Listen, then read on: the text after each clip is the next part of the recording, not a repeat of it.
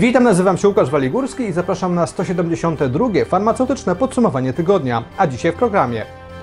Ministerstwo Zdrowia o brakach leków w aptekach. Ważne wyroki w sprawie aptek przejmowanych na słupa.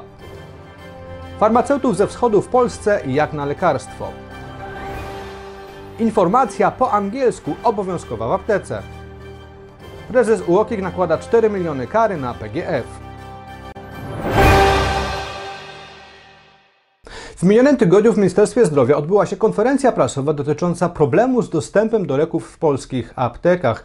Była to konferencja wiceministra Macieja Miłkowskiego, w której udział wzięli także Ewa Krajewska, główny inspektor farmaceutyczny oraz Grzegorz Cesak, prezes Urzędu Rejestracji Produktów Leczniczych. W tej konferencji, tak wynikało z zapowiedzi przynajmniej, mieli udział wziąć także przedstawiciele Naczelnej Izby Lekarskiej oraz Naczelnej Izby Aptekarskiej, jednak w ostatniej chwili odmówili wzięcia udziału w tej konferencji. W jej trakcie urzędnicy przekonywali, że nie ma aktualnie w Polsce kryzysu lekowego ani systemowego problemu z dostępem do leków, a czasowe niedobory leków zdarzały się zawsze i będą się powtarzać. Wiceminister Miłkowski wyjaśnił m.in., że braki antybiotyków w ostatnim czasie, amoksycyliny oraz amoksycyliny połączonej z kwasem klawulanowym, wynikały z niedoszacowania popytu przez producentów i wkrótce te problemy mają zniknąć. Urzędnicy przekonywali, że problemy z dostępem do niektórych leków w polskich aptekach to przede wszystkim odpowiedzialność producentów tych leków oraz ich decyzji e, biznesowych, ale także różnych zdarzeń losowych, na które Ministerstwo Zdrowia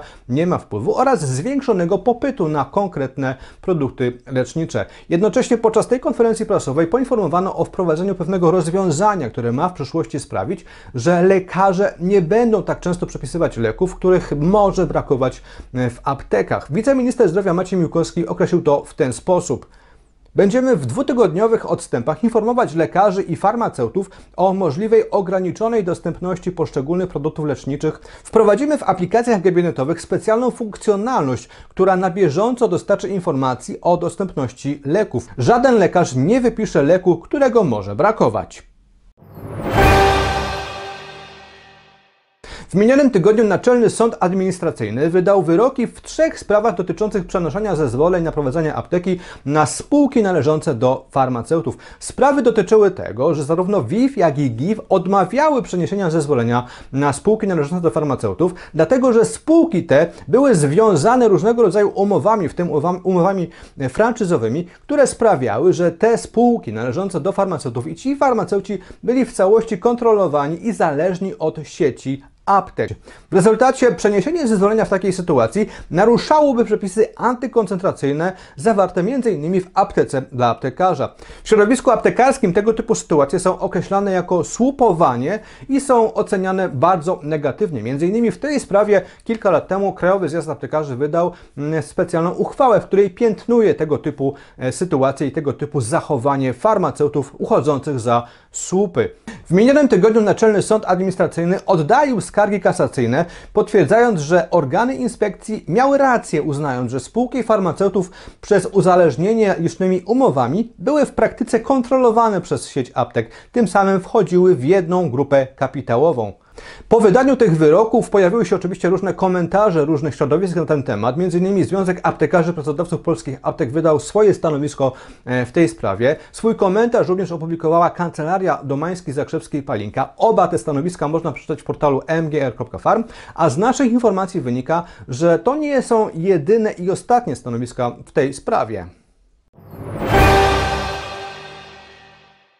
Półtora roku temu wraz z ustawą o zawodzie farmaceuty wprowadzono farmaceutyczny egzamin weryfikacyjny. Jest to uproszczona ścieżka uznawania kwalifikacji farmaceutów spoza Unii Europejskiej do pracy w polskich aptekach. Kiedy te przepisy były procedowane, wywoływały one spory sprzeciw środowiska farmaceutycznego, które m.in. ostrzegało przed zalewem farmaceutów ze wschodniej granicy, których kwalifikacje miały odstawać od tych polskich farmaceutów.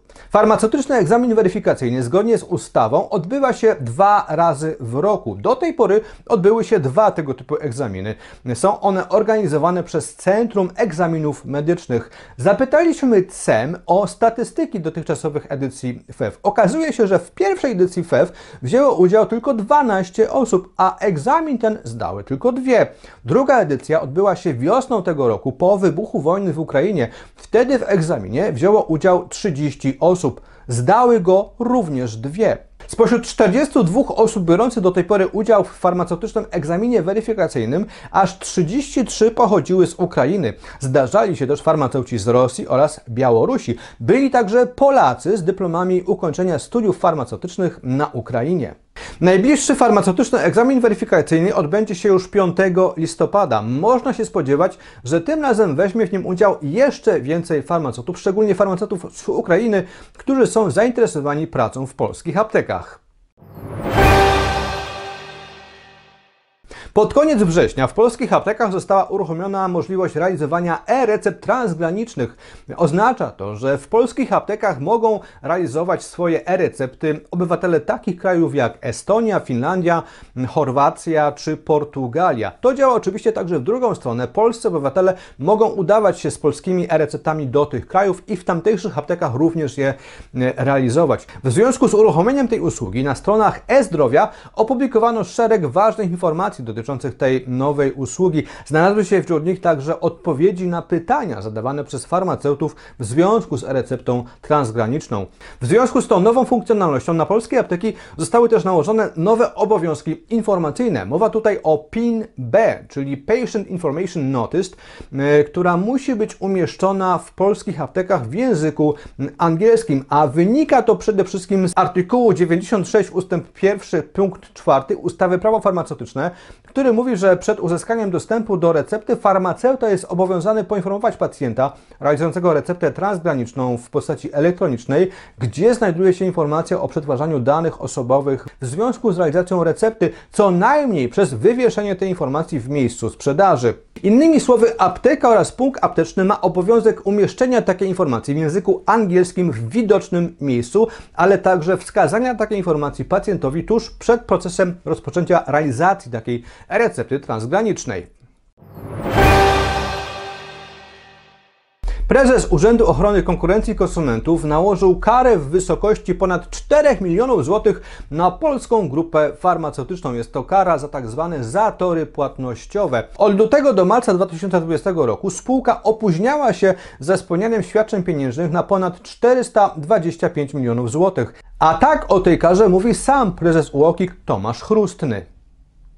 W najnowszej decyzji nałożyłem ponad 4 miliony złotych kary na spółkę Polska Grupa Farmaceutyczna. Przeprowadzone postępowanie wykazało, że przedsiębiorca nadmiernie opóźnia się ze spełnianiem świadczeń pieniężnych. To kolejna spółka z branży farmaceutycznej i jak dotychczas najwyższa sankcja finansowa nałożona za zatory płatnicze. Drugi w kolejności jest również przedsiębiorca z branży farmaceutycznej, co wskazuje na niepokojący trend dotyczący lekceważącego podejścia do obowiązków płatniczych reprezentantów tego sektora. W tej sytuacji konieczne jest zwrócenie szczególnej uwagi na terminowe spełnianie świadczeń pieniężnych przez przedstawicieli branży farmaceutycznej.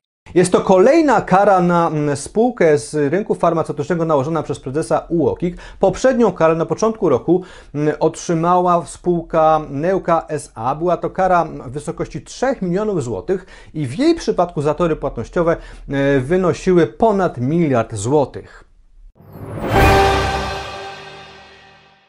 I to już wszystko w tym farmaceutycznym podsumowaniu tygodnia. Bardzo dziękuję za uwagę. Oczywiście po więcej informacji z rynku aptecznego, rynku farmaceutycznego zapraszam na portal mgr.wam. Tam codziennie przygotowujemy nowe doniesienia z rynku aptecznego, rynku farmaceutycznego. Tradycyjnie też zachęcam do pobierania i czytania naszego magazynu mgr.farm, dwumiesięcznika w wersji online, który jest absolutnie bezpłatny obecnie. Zachęcam do jego czytania, bo to największy tego typu magazyn dla farmaceutów e, w Polsce. Jednocześnie zachęcam także do oglądania naszego programu Kwadrans z farmacją, którego aż dwa odcinki miały swoje premiery w ostatnich dwóch tygodniach.